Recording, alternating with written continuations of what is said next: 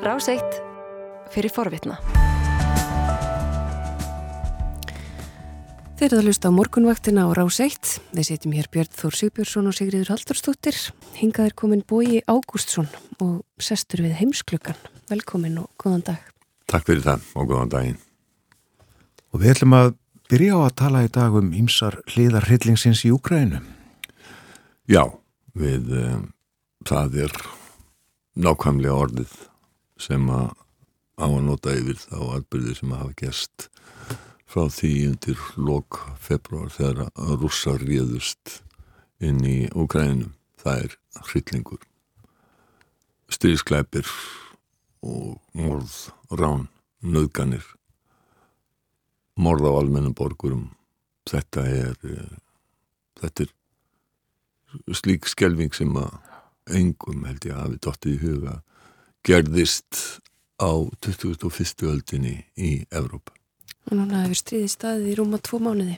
Já, það hefur gert það og uh, það er aðteglisverð fæsla sem að Þóri Guðmundsson fyrirverandi uh, frettastjóri á, á stöð 2 og uh, sem hefur nú gríðarlega reynslu í allþjóðamálum og hefur starfað mjög víða að mannúamálum meðal hans fyrir Rauðakrossin um, og hann er að benda á að uh, þarna sé verið að rjúfa það skipulag sem hafi ríkt frá lókum síðar heimstyrjaldarinnar að uh, landamærum verði ekki breytt með hervaldi og rúsar hafi í rauninni ráðist að rótum þess sem hefur verið grundvalla skipulag í uh, í alþjóðamálum eða að minnstakosti hefur verið þokkalega virt í Evrópu þanga til að rússar taka upp á þessu og í rauninni má þá reykja þetta aftur til 2014 þegar þau lögðum þessi grímskaða.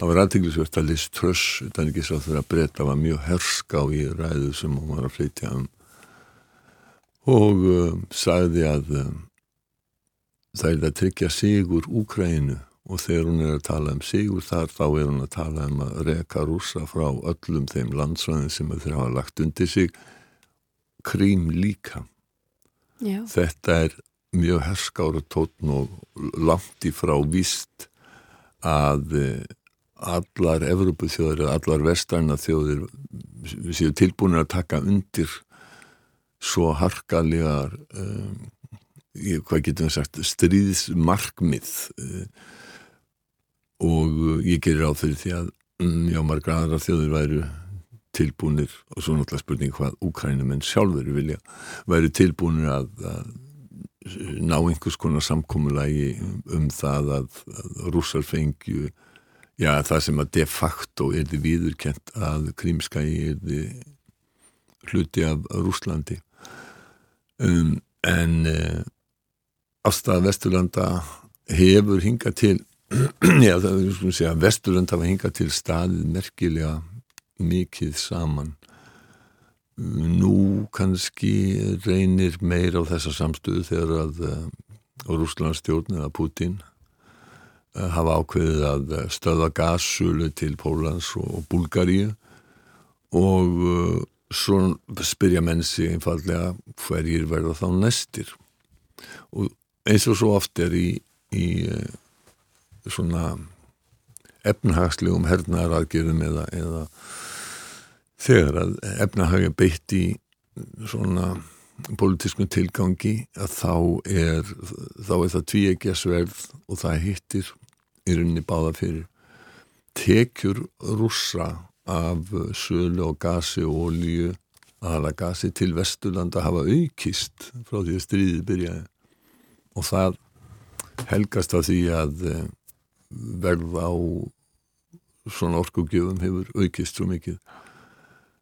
En eh, ég veit ekki nákvæmlega hversu mikið af þeim peningum hefur skilað sér til þeirra vegna viðskiptabansins þeir eru böngum er mjög mörgum óheimilt að eiga nokkuð samskipti við rúsa erlendar eignir þeirra voru í rauninni fristar og uh, þess vegna er það sem að rússar krefjast þess að þeim sé greitt í rúblum og vestræni ríki neyta greiða þeim í rúblum.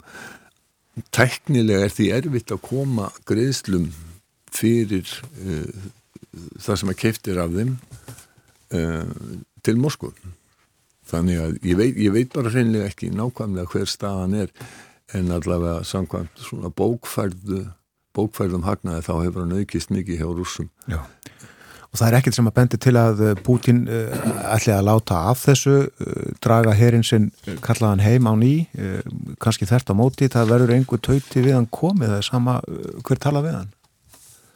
Það vilðist ekki vera að það sé, nei, það, það, það vilðist ekki vera neitt bilbúur á hann og margir veltaði fyrir sig sko hversu vel er hann upplýstur um það sem að raunverulega er að gerast og hvernig hversu illa eða lít rúsneska hernum hefur orðið ágengt. Og um, þeir hafa breytt um, um taktik eða breytt um strategi í rauninni. Fyrst að þá átti klárulega að reyna að velta stjórn Úkræn og Sessi með liftursókn til Kíf eða Kennugars og setja þar væntanlega þá einhverja leppstjórn í staðinn. Það mistókst og eh, ekki bara vegna mikils eh, baráttu vilja úkrænumanna sem hefur greinilega komið rúsum og Putin á óvart heldur einnig vegna þess að mm, rúsneski hérin vilist ekki hafa verið í standi til þess að eh, svona sjá um byrðaöflun til bardagasveitana og skrytarikar fara ekki mikið ef þið fá ekki hérna, elsneiti eða skottfæri og svo hafa Úkrænumenn náttúrulega fengið gríðarlega mikla hernaðar aðstóð frá vesturlöndum aðalega breytum og bandarækjamannum þjóðverið hafa dreigið lappirnar þrátt fyrir yfirlýsingar í upphafi um að þeir væri að breyta um stefnu. Og það er fyrst núna sem þeir hafa tilkynnt að þeir, að þeir ætli að senda þunga hergögn til Ukrænumanna og það er í formi 50 gepard minni með hitti sem, sem eru strísvagnar sem eru aðalega eitthvað loftvarna. Menn hafa líka spurt sig sko hvað er rúsneski flugherrin af hverju náði hann ekki algjörum yfirráðum í lofti strax uh, sem maður hefði búist við að erði svona já að rúsa myndi leggja upp með það og uh, svo hafa menn verið að spyrja hver, hvað er að í rúsneska hernum, af hverju gengur svona illa, þó að skuli eh, tekið fram að, að menn læra af reynslunni. Rúsneski herin í vetrastriðinu í Finnlandi 1939 fór rakfarir fyrir markvallt fámennara liði finna En rússar lærðu sína leksju og þegar að vetrastriðið hófst aftur eða þegar að 1900, og komið það fram undir vor 1940 að þá, þá tókst þeim að sigrast á hersveitum finna. Og uh, þannig að það er of snemt fyrir uh, stuðningsmenn Úkrænu að, að lýsa yfir sigri. En Economist var að fjalla um þetta og uh, var að segja að það væri mjög mikið af svona, getum við sagt, struktúr vandamálum í grundvallar vandamálum í rúsneska hernum sem væri til dæmis gríðarleg spilling. Já. og þannig að uh, það er kannski það eru kiftir hlutir sem að uh, svona einfaldir hlutir eins og dekk. Léleg, notuð dekk keift í staðin fyrir ný en bókvært sem, sem sko, ný dekk hafi verið keift og ágangurinn fer í, í hérna, það sem stendur á milli fer í vasa uh, einhverja yfirmanna í hernum. Og svo er annað svo skipula rúsneska hessins sem að er um, þannig að þeir reyða sig ekki á, ja, það, það, svo þeir frumkvæði er mjög lítið annað heldur en háttsættra yfirmanna. Þannig að þeir er ekki þjálfaðir í skilsmér að bregðast við breyttum aðstæðum á vývelli þegar þú komin sko niður fyrir einhver hersveðingja. Í og með er það sagt ástæðan fyrir því að svo margir rúsneski hersveðingjar uh, fjallu í upphafi strísins vegna þess að þeir þurftu einfallega að fara á vývöldin sem það sem hersveðingja vennilega er ekki til þess að, að, hérna, að, að meta aðstæðuna þar sko það sem hefur oft verið sagt að sé sko svona kjarnin í vestrænum eh, herjum eru er, sko reyndir liðþjálfar sem að bara kunna þetta allt og hafa og geta tekið frumkvæði og, og lægst settu liðsfóningarnir sem að oftar en ekki njóta þá leiðsagnar þessara reyndu liðþjálfa. Þetta skortir í rúsneska herin en svo, það skulle ítrekkað að, að menn læra af mistökum sínum og þetta getur breyst. Allt þetta hefur leitt til sko hræðslan í grænríkjónum er gríðaleg. Hún uh, uh, sérstaklega hefur orðið hugafarsbreyting í Finnlandi og Svíþjóð og það er alla líkur á því að þessi lönd þau ræði, þau, hérna, þau er að ræða yngöngu í NATO en alla líkur á því að þau gangi inn í NATO uh, innan tíðar, svona ef markam á umræðinu þarna. Og það er uh, daldi aðteglisvert að það eru ekki stjórnmálamenn sem að fara fyrir í þessu heldur er það má svo sem segja finska þjóðin sem að hafi dreyið þennan vagn vegna þess að þeir breyt, sko afstæðan breytist görbreytist í Finnlandi og uh, núna uh, þá hérna þá eru þeir, að draga svíja með sér. Það er orðið meiri hluti svíja sem er fylgjandi yngöngu í NATO. Jóhann Strang sem er uh, professor við háskólan í, Helsingi og raunar Norrlandasjárfræðingur hann seg, segir eh, hann tók þátt í umræðin í sænska sjónarpinu núna eh, á mándags eða þrjúðarskvöldi.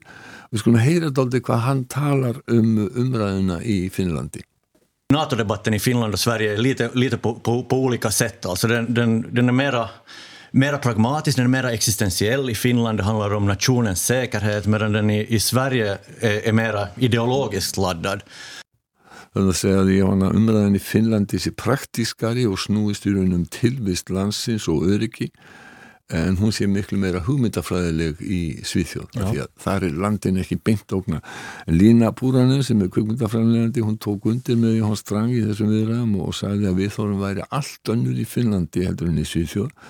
Uh, hún á sjálfvættir að reykja til Östur Finnlands þar sem að uh, Sovjetrikinn eða já rúsa innlimuð eftir vetrastriðin 1940 hún segir að styrjöldin sé enþá í lífandi minni í Finnlandi. Þeir hafi allatíð haft öflugan hér og stórt varanliðurinn líka. Og varnir finna séu góðar och finnar hafi trú á varnarmætti sínum Ja, men Finlands historia är ju så präglad av de här krigen och ett krig i närtid som Och Det gör ju att finsk militär har varit liksom, eh, stark hela tiden och man har ett starkt försvar och också liksom ett starkt självförtroende försvars, eh, försvarsmässigt.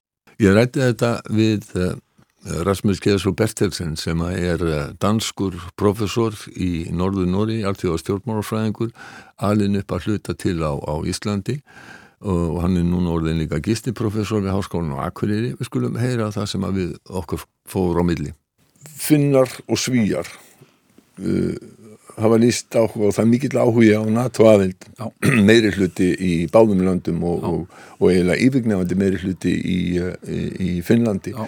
því að eins og Alexander Stubb fyrirvunandi fórsættis á þar Finnland sagði áður fyrir að þá voru finnar hrættir við að augra rúsum Já. og reyta á til reyði nú er þið bara hrættir við rúsa uh, hvaða áhrif geti það haft ef að finnar og svíjar ganga inn í, í NATO?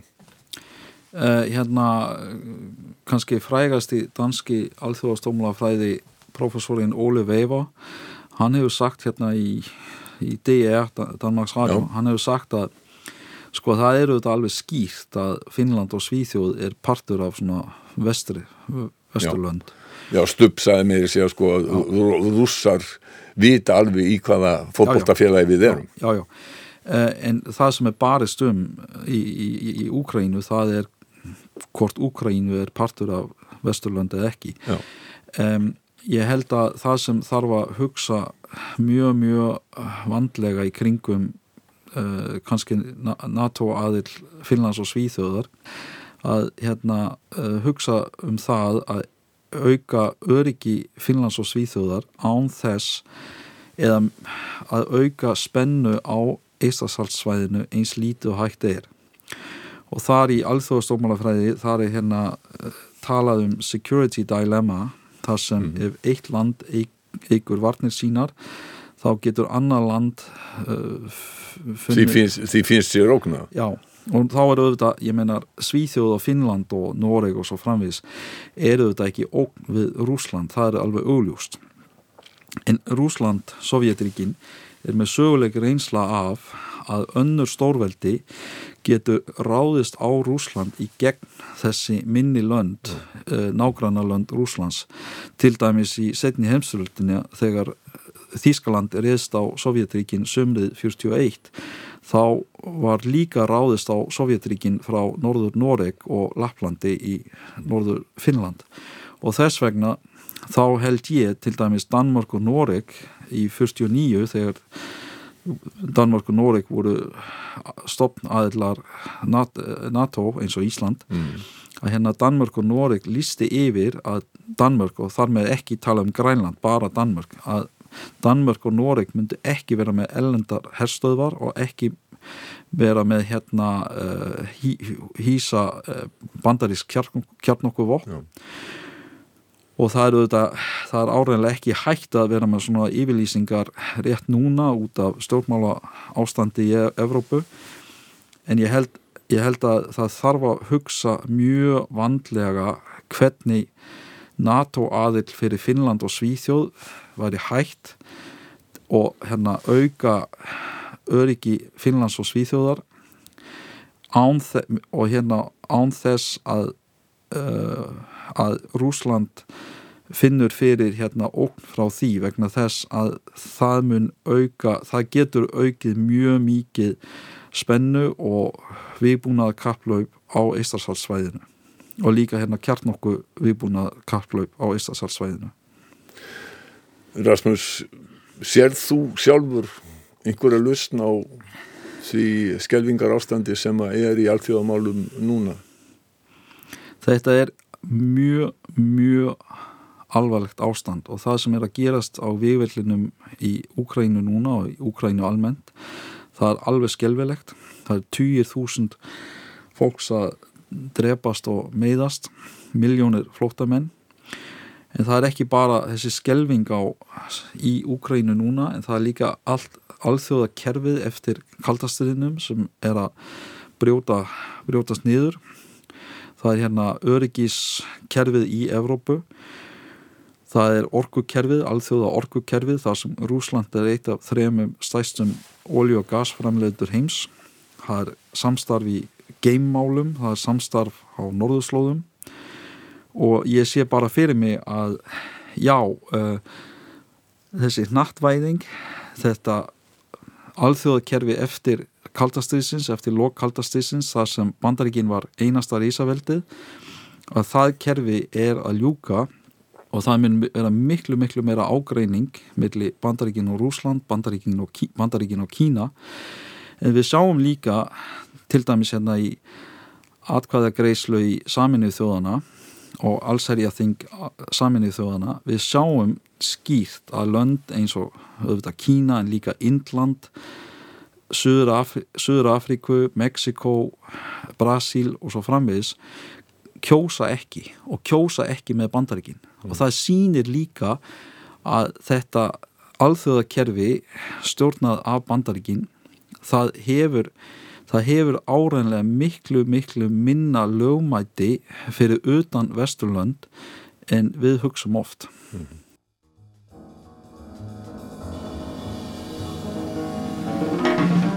Ráseitt fyrir forvitna.